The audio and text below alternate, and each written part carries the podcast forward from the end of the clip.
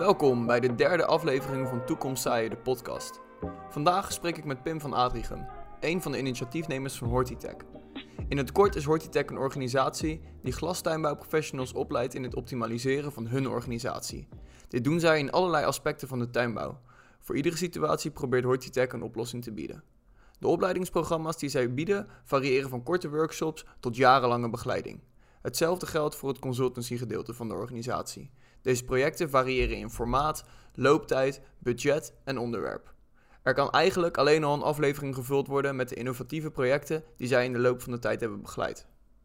De organisatie is ook nauw betrokken bij het World Horti Center, waarbij ruim 100 tuinbouwgerelateerde bedrijven meewerken aan het creëren van een innovatief platform.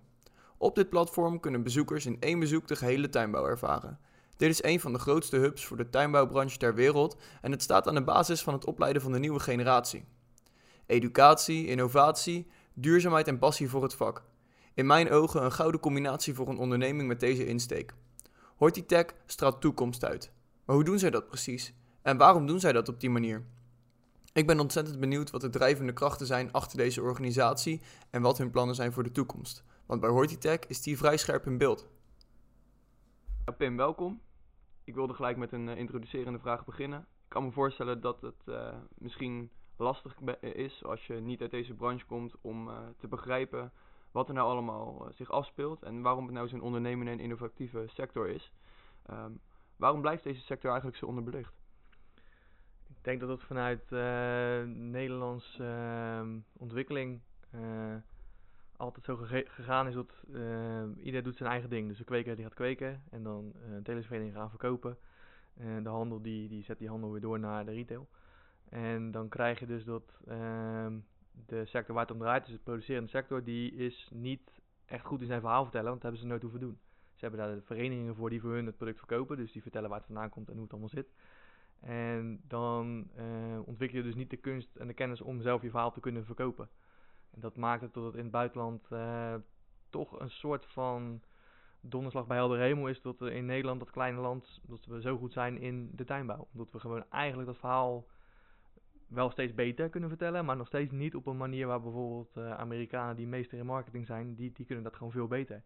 Ook al presteren ze minder, ze maken er nog een geweldig verhaal van. En dat, dat zouden wij eigenlijk ook wel moeten gaan doen. En dat, ik denk dat het een beetje oorsprong heeft in de manier van coöperaties opgezet en, en de taken verdelen. Wat ook de reden is waarom we zo ver gekomen zijn. Want als iedereen doet wat hij moet doen en doet wat hij goed kan, ja, dan kom je heel ver. Maar nu is het misschien wel eens tijd om uh, meer te gaan focussen op het verhaal te gaan vertellen en te laten zien wat we nou zo goed doen. Ja, maar goed, uh, het is verdeeld, de taken zijn verdeeld. Dan zou je zeggen, joh, uh, iedereen heeft zijn specialisme. En juist dan komen de beste resultaten op tafel. Ja, ik denk dat aan de ene kant, dan zou je zeggen dat er dus ook een specialisme op marketing en verhalen vertellen moet, moet zijn. En dat blijft dus altijd een beetje onderbelicht. Dat is misschien ook wel de, de, de rol van de telersverenigingen en de handelshuizen en de retailers die dat eigenlijk overgenomen hebben. Die het verhaal wel gaan vertellen richting de consument. Maar ja, er zit toch wel een, gat in. Het heeft ook te maken met de Nederlandse consument. Wij zijn als volk uh, heel erg prijsbewust en niet zo merkbewust. Dus al komt het uit Nederland, dan is het goed. Als het maar goedkoop is, al komt het uit Engeland goed. Als het maar goedkoop is, zo wordt er naar gekeken. Dat is in landen zoals Spanje, Frankrijk, Duitsland, die veel meer op de eigen markt gericht zijn. Uh, heel anders. Daar kopen ze een slechter kwalitatief product als het maar uit hun eigen land komt. En dat zal misschien ook weer te maken hebben met het verhaal wat daar wel verteld wordt, wat wij weer niet vertellen. Een stukje trots ook misschien inderdaad. Ik denk het wel. Ik denk dat er, uh, nou, we hebben wel voorbeelden gehad dat wij mensen uit, uh, dat wij klassen uit Den Haag over bezoek hadden. Nou, dat is 10 kilometer verder, die wisten niet hoe tomaten groeien. Ja. Dat is natuurlijk gewoon een stukje onwetendheid. En, en ook daar komt weer terug dat we gewoon niet vertellen wat we doen zijn. En dat, dat maakt wel dat het een moeilijker verhaal wordt om, om dan toch weer dat, dat, die kunst op te gaan pakken. Stukje Westlandse mentaliteit ook misschien, hè? Niet lullen, maar poetsen. Dat, ja, we zijn altijd wel een bescheiden volk. Dat ja. is op zich wel, wel, het siert ons. Maar dat kan zeker op, op het toneel waar we nu allemaal heen gaan. Het, het internationale toneel waar groot geld uh, gaat rollen. Dat zien we steeds vaker. Dan moeten we toch op een gegeven moment wel de, de kunst gaan ontwikkelen van vertellen wat we nou eigenlijk aan het doen zijn. En hoe wij met zo weinig zoveel kunnen maken. Ja. Dus nou, dan moeten we misschien een beetje aan de mentaliteit gaan werken. Aandachtspuntje. Juist. uh, en als je naar die hele keten kijkt, uh, welke plek nemen jullie in als je kijkt van kast tot kassa? wij zitten vooral in een stukje bij de productie. Waar wij um, eigenlijk idealiter willen wij de positie nemen naast een kassenbouwer. Dus zodra een investeerder of een kweker zegt van nou ik wil een nieuwe kassa hebben in deze plek, dan, dan streven wij ernaar om met die kassenbouwer mee te gaan en te vertellen wat het kenniscomponent moet zijn. Wij focussen ons vooral op kennis ontwikkelen en kennis uitdragen. En uitdragen in de vorm van trainingsprogramma's. En we merken nu altijd dat een investeerder die dus eigenlijk nog geen kennis heeft, een kas bouwt, die kas staat. En zodra ze de sleutel krijgen voor turnkey verhaal bij van, dan pas hebben ze door dat er kennis nodig is. Dan gaan ze altijd eerst zelf een jaar proberen. Nou, dat gaat altijd fout, want eh, de kennis is toch wel nodig en toch wel intensief om een goede til te draaien. En dan, uh, dan moeten er dus maar consultants ingevlogen worden of dan moeten er uh, ad hoc programma's opgezet worden. En dat is, het gaat wel en het is, het is, uh, we komen wel steeds verder, maar het is niet ideaal. Idealiter heb je eigenlijk, zodra er een paal de grond in gaat, heb je een trainingsprogramma lopen. Want dan weet je, zodra de kast dicht is, dan, kan, dan kunnen de trainees weer naar hun eigen kast toe. En dan kunnen ze gewoon de opstart zelf doen. En dat, dat, dat schiet gewoon nu nog eigenlijk te veel, wordt het vergeten. Dat is ook niet gek, want voorheen kassenbouwers verkochten aan telers. En telers weten precies wat ze nodig hebben. Die zeggen precies, nou ik wil deze poothoogte, deze afmetingen, deze machines en uh, materialen gaan erin. En daarmee ga ik aan de slag. Maar uh, investeerders die het als een fabriek zien, dus die gewoon eigenlijk, eigenlijk willen zijn rendement. Het interesseert dus nog eens wat uit die fabriek komt als het een rendement is. Als je daar moet uit gaan leggen dat zij een kwekerij gaan, moeten gaan runnen, dat, gaat, dat wordt hem gewoon niet. Daar moet je echt wel mensen voor trainen. Het, is toch een, het is echt wel een vak. En dat, dat, dat schiet er toch nog tekort in vaak. Dus jullie adviseren die, die uh, investeerders of adviseren jullie de bouwers? Alle twee. Alle twee. Dus wij, uh, enerzijds lopen wij mee met de bouwer om aan die investeerder uit te leggen van uh, een tweede paar ogen. Om zeg maar, te zien van nou, wat wordt er nou neergezet en is dat nuttig in deze locatie. Je kan wel een hele, hele dure kas in een land uh, bouwen waar, de, waar het klimaat goed is, waar je met een plastic kas ook al uit kan.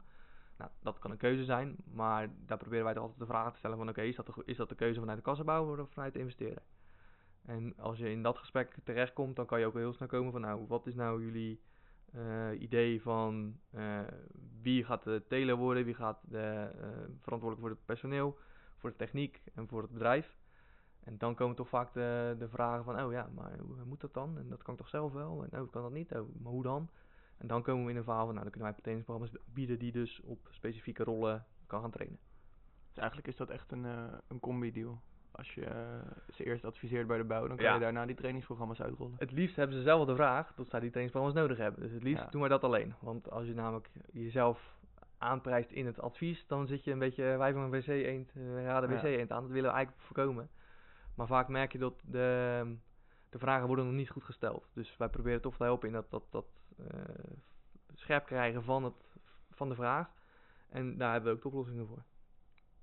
En ik las dan online uh, iets over nu een project in Amerika. Uh, is er veel vraag vanuit het buitenland naar jullie kennis? Ja, daar komt eigenlijk de grootste vraag vandaan. Dus we zien uh, Amerika is daar wel een bijzondere in. Die, daar begint nu het grote geld zich langzaam aan te focussen op agro. Zij, je ziet dat er langzaamaan beursgangen komen en grote banken komen die gaan zien dat uh, agro en dan vooral bedekte teelten, dus echt de tuinbouw, dat dat een sector is die uh, overal neergezet kan worden en die lokaal best wel wat kan brengen. Lokaal voedsel, veilig voedsel, lokale werkgelegenheid en gewoon gezonde economie. Dus die beginnen daar steeds meer naar te kijken en steeds meer zich in te verdiepen. En dan zij komen dan toch wel redelijk snel op het idee van, nou oké, we hebben dus Nederlandse techniek nodig, want dat is uh, top of the line, dat, dat is gewoon, uh, dat werkt. Uh, en eigenlijk toch ook Nederlands kennis. En voorheen is het model altijd geweest, we huren een kweker in, die komt een paar jaar wonen in de, bij de kwekerij en die moet dan de deelt opzetten. Maar dat is niet, in onze ogen is dat niet duurzaam, want dan, die kweker wil altijd naar huis en huis is Nederland, niet Amerika. Dus na twee jaar, als zo'n contract afloopt, gaat hij naar huis toe en dan loop je kennis weg. Dus wij richten juist programma's op die heel erg gericht zijn op lokale teams zoeken en lokale teams opleiden. Zodat je ook zeker weet dat als er iemand een keer wegloopt, dat is, uh, nou, dat, dan is het niet gelijk een, een, probleem, want je hebt een team wat dat op kan pakken. En het is allemaal lokaal, dus thuis is bij de kwekerij en niet in het buitenland. Dus, dus het gaat er echt om om de, om de Amerikanen zeg maar, ook op te leiden tot... In die zin wel, maar dat kan eigenlijk overal. We, we hebben vragen uit... Uh, Irak, uit China, uit, uh, uit Afrika zelfs al wat vragen gekregen, wat uh, redelijk vroeg is in de markt, maar vooruit. En dat gaat toch eigenlijk ook om die lokale kennisontwikkeling. En dat, dat moet ook in het model van investeerders zitten, dat zij ook die duurzaamheid zien. Van we moeten zelf die mensen opleiden, dus we moeten ze genoeg bieden om ze te laten blijven. Want dat, het hart van de kwekerij is niet de kwekerij zelf, het zijn de mensen. En als je de mensen niet, niet goed opleidt en ook niet goed instrueert, dan wordt het gewoon een heel moeilijk verhaal. En hoe komen die bedrijven dan bij jullie terecht? Wij zijn participant bij World Hockey Center. Mm. we hebben ook wel een aardig eigen netwerk wat ons uh, ook wel uh, goed kan vinden. En eigenlijk, wij begonnen met trainingen in, in coronatijd zijn wij overgeschakeld omdat trainingen niet echt mogelijk meer waren omdat mensen niet meer naar Nederland konden. Zijn we overgeschakeld naar onderzoek uitvoeren. Um, ook weer heel goed, want daarmee houden we onze kennis scherp. We doen veel met ledonderzoeken en zaadbehandelingen dat houdt ons lekker scherp. En dan weten we ook contacten met de markt onthouden. Dat, dat, dat zorgt ervoor dat onze trainingsprogramma's weer, weer scherp blijven. En eigenlijk door enerzijds het netwerk en anderzijds uh, de naam die we opbouwen, krijgen we toch wel uh, leuke vragen binnen. Dus dat houdt ons wel goed bezig. Tof. En uh, een project in China. wat is zo'n project dan? Wat houdt dat in? Uh, dat was wel een hele bijzondere. Dat was in, voor corona, 2019. Mm. Uh, kregen wij de vraag in uh, Dojo. Dat is een, een, gemeente tussen Beijing en Shanghai in. Echt in, in het hartland van China. 150 miljoen consumenten op 24 uur rijden. Dus dat is best wel een, lekker centraal gelegen. Ja. En de overheid, de lokale overheid daar, die, die, die provincie en de gemeente, die wilden daar de tuinbouwhub van die provincie maken. En een van de manieren om dat aan te jagen is door een, een horticenter concept neer te zetten. Dus een gebouw waar educatie, innovatie en ontwikkeling plaatsvindt. En onze achtergronden liggen in Demokwekerij en Wild Horticenter. Mijn vader heeft dat opgericht en uitgebouwd. Dus wij weten wel hoe zo'n centrum in elkaar moet zitten. Uh, uh, dus daar hebben wij uh, de hele tijd mee geholpen om dat plan op te stellen en ook naar uitvoer te brengen. Helaas uh, was het uiteindelijk uh, ergens in de politiek niet helemaal uh, goed gegaan in China, waardoor het plan in de ijskast gezet werd. Maar dat, het is wel een project van anderhalf jaar geweest waarin wij die ontwikkelingen gewoon hebben mogen doen. En dat zulke vragen zie je nou ook steeds meer komen uit de rest van de wereld. Dus nou, dat is voor ons ook een, een grappige manier van kennis inzetten. Zit daar nog wel een, een, potentieel in dat dat nog uitgevoerd wordt, of is dat echt helemaal bevroren? In China niet.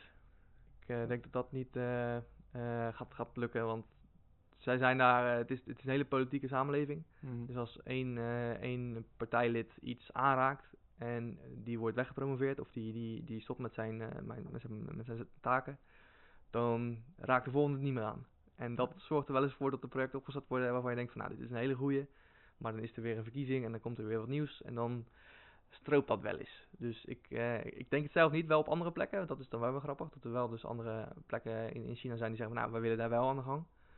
Volgens mij is Wild Horti Center nu druk bezig in het zuiden. Uh, Kunming, daar zijn ze een, uh, een, Horti Center uh, echt, echt afdeling aan het opzetten. Dus dat, dat loopt wel. dit was dan heel erg gericht op, tuin, op, op voedingstuinbouw en dat is veel meer gericht op bloemen en planten. Dus ja, daar zit wel beweging in. Maar is het dan dat die landen of gemeentes echt bezig zijn met een stukje zelfvoorzienendheid, misschien het, het, beperken van de import? Ja, ja, het is heel erg eigen economie creëren. Dus uh, er wordt gedacht, en in enige mate is het ook wel waar, dat een kas kan ergens neergezet worden. En als de faciliteiten er zijn, zoals uh, aardgas, uh, goede logistiek, mensen met enig kennisniveau, dan kan je een kas neerzetten. En, dan, en als jouw markt ook nog in de buurt zit, dan kan jij die afzet ook wegvoeren. Dus in die zin is, kan het overal toegepast worden. En dat, dat maakt ook tuinbouw aantrekkelijk voor allerlei gebieden waar die faciliteiten al zijn. Omdat het gewoon een hele de bouw gaat redelijk snel. Het punt waar het, dus, waar het fout gaat is vaak die kennis. Ja. Dus er wordt dus vergeten van oké, het is een kast. Uh, nou, ik, uh, ik trommel een paar mensen op die de, die de teelt gaan doen en that's it. zo werkt het helaas niet. En dat, dat zie je dus dat het, de ideeën zijn er wel, maar de uitvoering is vaak soms een beetje, nou, die laat zich wel eens een beetje op zich wachten. Maar dat moet wel heel, heel, een heel tof gevoel zijn als vanuit China en vanuit Amerika ineens op de deur kloppen. Of ik weet niet ja, hoe het gaat, een mailtje misschien. Het is uh, hartstikke grappig. Vaak gaat het via een, uh, een contactpersoon of, of gewoon een heel simpel belletje. Ja. We hebben een probleem, wij horen dat jullie ons kunnen helpen. En dan, uh, dan is het nog een hele uitdaging om de vraag achter de vraag te achterhalen. Want mhm. vaak wordt er gesteld van nou, onze teelt loopt niet, punt. Ja. Oké, okay, waar ligt het dan aan? is, je, is je kast niet goed? Is het klimaat niet goed? Is, is de teeltman niet helemaal up to speed? Is, het, is de arbeid niet helemaal in orde? dan, kan je, dan ga je op een gegeven moment echt de vraag afbellen en dan kom je tot, tot hele rare ontdek, ontdekkingen. Dat, uh, door je denkt van nou, in Nederland doen we er zo makkelijk mee en in, in het buitenland is dat toch wel een, een moeilijk verhaal. En dan hebben we het vooral over arbeid. Mm. En dat, is toch, dat zijn toch uh, vragen die wij dan kunnen gaan oplossen. Ja. Dat maakt het wel, wel een grappig en een dynamisch verhaal, omdat het, elke vraag is weer anders. En je moet hem helemaal afbellen tot wat is nou de kern. En dan pas weet je, oké, dit, dit kunnen wij wie doen om dat op te lossen. Nou, je kan niet uh, zeggen, oké, we komen eraan en we lossen het op. Nee, nee, het is niet, uh, we springen het vliegtuig in en we gaan. Het, uh, met het traject waar we nu in Amerika mee bezig zijn, dat heeft een half jaar geduurd voordat we van vraag tot echt projectplan en uitvoering gekomen zijn. Dus nou, nu zit onze teeltman en onze, onze techneut zit in het vliegtuig naar Amerika om dat plan uit te gaan voeren. Dus op zich, dat zijn wel tijdlijnen die ze klinken lang, maar dat is wel een beetje standaard eigenlijk. Dat het zo lang duurt voordat je echt de vraag achter de vraag hebt. En dat je weet wat ze eigenlijk nodig hebben. Ja, en ook de juiste plannen maakt, lijkt mij. Want zo'n zo'n centrum dat is niet zomaar binnen een weekje gebrainstormd. Nee, nee, dat is, dat, en daar wordt vaak ook de input gevraagd van hoe het, het, plan wat we nu in Amerika zijn, dat is echt heel erg gericht op een productiekast. Dus dat mm is nog ineens zo'n centrum. Um, daar komt waarschijnlijk ook wel zo'n centrum, maar dat is dan weer vanuit de, de, de staat bedacht. Maar ook uh, voor een centrum en voor een, een kwekerij is het heel uh, goed nadenken van wat is nou de vraag en wat is nou de, de oplossing om die vraag op te, op te pakken. Dus dat maakt het wel, nou ja, je springt van het een in het andere. Dat is wel heel erg, heel erg leuk. Ja, want wat je net ook zei, jullie zijn ook nog bezig met, met echte proeven. wat mij persoonlijk erg verbaast eigenlijk, is jullie ook nog met dat operationele gedeelte bezig zijn. Um, telen op basis van LED-belichting is een van jullie uh, meest recente proeven. Ja. Waarom is dat operationele nou ook nog zo belangrijk voor jullie? Je komt daar enerzijds in contact met leveranciers. En die hebben toch, vooral in de LED-wereld is het nu uh, nou ja, booming kunnen we wel zeggen. De energieprijzen schieten omhoog. De aanbieders die schieten ook als paddenstoel uit de grond. Dus iedereen die heeft daar ideeën bij. Um, wij hebben een, een praktische manier van proeven uitvoeren. En we hebben een netwerk waardoor wij interessant zijn voor die producenten om, uh, om proeven uit te voeren. Um, dat is aan de ene kant. En aan de andere kant komen wij in contact met veel telers. Dat is een basis die wij in onze onderzoeken meenemen. Wij voeren iets uit altijd met telers in praktijk die ons adviseren en meelopen. Dat is voor telers wel, het is een win-win-win. Voor telers is het goed om te zien wat de ontwikkelingen zijn. Dus die weten wat de nieuwste ontwikkelingen van, van de LED-producenten zijn voor ons is het goed omdat wij een vinger aan de pols houden van de markt en we kunnen daar gewoon de, de, zaken doen die we moeten doen. En voor de producent is het voor hun een potentiële markt waarmee zij al in contact komen. En zo krijg je eigenlijk dat iedereen meedenkt en meeloopt in ontwikkeling en in uh, het, het, uitvoeren van die proef. Waardoor je dus weer bepaalde dingen gaat zien die, die weer toepasbaar zijn in, in de praktijk. Want wat doe je dan met die ledbelichting dat het een proef wordt? Ik bedoel, het, het is denk ik niet zomaar een, een lamp boven een gewas hangen. Nee, nee dat, dat, dat, uh, in essentie is, het, uh, is dat het wel. Maar Ja. het gaat eigenlijk vooral om de, de mix tussen wat heeft die lamp aan lichtkleur, aan sterkte en aan eh, klimaateffect.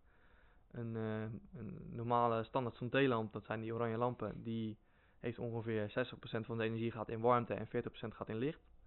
Eh, bij ledlampen is het vaak andersom. En dat ligt ook heel erg aan de fabrikant en welke leds gebruikt worden. Maar die lamp die maakt dus 60% licht en 40% hitte. Is nog steeds hitte en die hitte doet wat in de kas. En wij zijn gewend om eh, met zonté te werken. Dus dat betekent dat je van onderaf met je buisrailverwarming hitte in de kas brengt. Van bovenaf ligt er een deken van hitte van de zontélamp. Die ga je in beweging krijgen door die hittestromen. stromen en, en dat maakt dat een klimaat gecreëerd wordt. En nu die, die uh, hittestromen anders zijn, omdat die ledlamp dus anders zijn, zijn hitte maakt, ga je anders telen. En dan zie je dus ook bepaalde dingen gebeuren die voor ons eigenlijk heel verrassend zijn. Voor de teler ook, voor de fabrikant ook. En zo kom je eigenlijk toch tot een bepaalde mix waarvan je bijvoorbeeld dacht van, nou, dat is gewoon de standaard manier van telen. Dat blijkt toch met LED toch anders te zijn. Dan moet je toch anders gaan kijken naar wat, wat effecten zijn en hoe kleuren zich naar, het, naar de plant verhouden. En merk je dan ook dat er gelijk tuinders uh, uh, aan de telefoon hangen om daarmee aan, aan de slag te gaan? Of zijn die dan toch vaak nog uh, wat rigide? Ja, die zijn... nou, rigide niet. Het is, het is een beetje een... er zijn zoveel aanbieders dat er veel tuinders eigenlijk... Wat wij een beetje denken te zien, is dat zij door de bomen het bos niet meer zien. Dus er gebeurt zoveel met wit licht, met rood licht, met paars licht, met eh, actieve koeling, passieve koeling, eh, met, met eh, hoge micromols, lage micromols. Dat wij, eh, dat we eigenlijk een beetje proeven bij tijdens te zeggen, ja, ik, ik, ik weet het allemaal niet. Ik weet nou niet, wat is nou, moet ik nou veel micromol hebben, moet ik nou weinig micromol hebben, moet ik nou veel rood of veel wit, of wat, wat is nou, wat is nou, wat werkt nou goed? En daar proberen wij eigenlijk wel verheldering in te schaffen door die onderzoeken dus ook openbaar te maken. Dus we zeggen, nou, wij hebben nu eh, onderzoek met deze fabrikant gedaan, dit zijn de resultaten.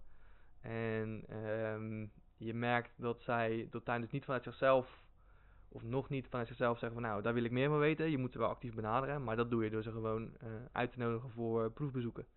Dus dan ga je gewoon met een groep kwekers eh, of bij het gewas kijken of het gewas echt in. Ligt een beetje aan wat voor eh, gewas het is. En dan kunnen zij dus zelf zien aan de plant, nou, dit heeft de, lamp met die plant gedaan en daar vind ik wat van. En dat is, dat is de beste manier om die interactie te krijgen. En vanuit interactie komt interesse en dan nou ja, kan, er weer, kan er wat gebeuren. Het is geen goed gelovig volkje dat eh, overstapt en... eh, Nee, nee eh, cijfers op papier, dat is allemaal hartstikke leuk en aardig. Ja. Maar als, als, als kwekers het niet kunnen zien, dan, gaan, dan, dan is het een heel moeilijk verhaal om te geloven. Want Want jullie eerst even die plant voelen. en, eerst zien, eerst het ja. klimaat voelen, eerst zien wat het licht nou eigenlijk is. Eerst zien wat, wat de productie is, wat de kosten zijn, hoe dat nou eigenlijk zich verhoudt tot, tot de hele bedrijfsvoering. En dan, dan willen ze erover na gaan denken. Maar een, een, een productsheet neerleggen en zeggen, nou, dit zijn, dit zijn mijn datagetallen. Daar zien wij van, van dat, nou, dat, dat gaat er niet in. Daar hebben ze te veel ervaring mee en de- ze weten al te veel wat ze echt willen. Dus dan, dan kom je niet, eh, dat, dan is het te makkelijk om te denken, hier is mijn brochure en eh, ga maar kopen. Dat, eh, zo, zo denken wij niet dat dat werkt. Nee, het is geen auto uitzoeken uit de folder. Nee, Nee. elke kweker heeft ook zijn eigen visie op telen. Geef één plant, zet hem neer voor tien kwekers, je krijgt tien verschillende meningen. En dat is ook de manier waarop zij goed telen. Hmm. Dus, dus zij moeten gewoon zelf kunnen zien en kunnen interpreteren wat een lamp, wat een lamp voor hun kan betekenen. En een van jullie andere speerpunten zijn dan eh, opleidingsprogramma's. Ja. Kan je daar iets meer over vertellen? Wij krijgen verschillende vragen over eh, eigenlijk kennisproblemen. Dus dat er een, eh, een kennisgat zit. En dat kan op teelt, op eh, HR, op techniek zijn. Dat zijn eigenlijk onze drie speerpunten. En vanuit die vraagstukken proberen wij een programma te maken wat eh, het liefst een beetje blended learning is. En daar bedoelen we mee eh, een stuk online eh, via e-learning. We zijn op het moment zijn wij verschillende e-learning pakketten aan het maken. Die bieden wij via de Priva Academy aan aan eigenlijk een wereldwijd publiek. Het is allemaal Engels eh, gebaseerd met nou, allerlei onderwerpen.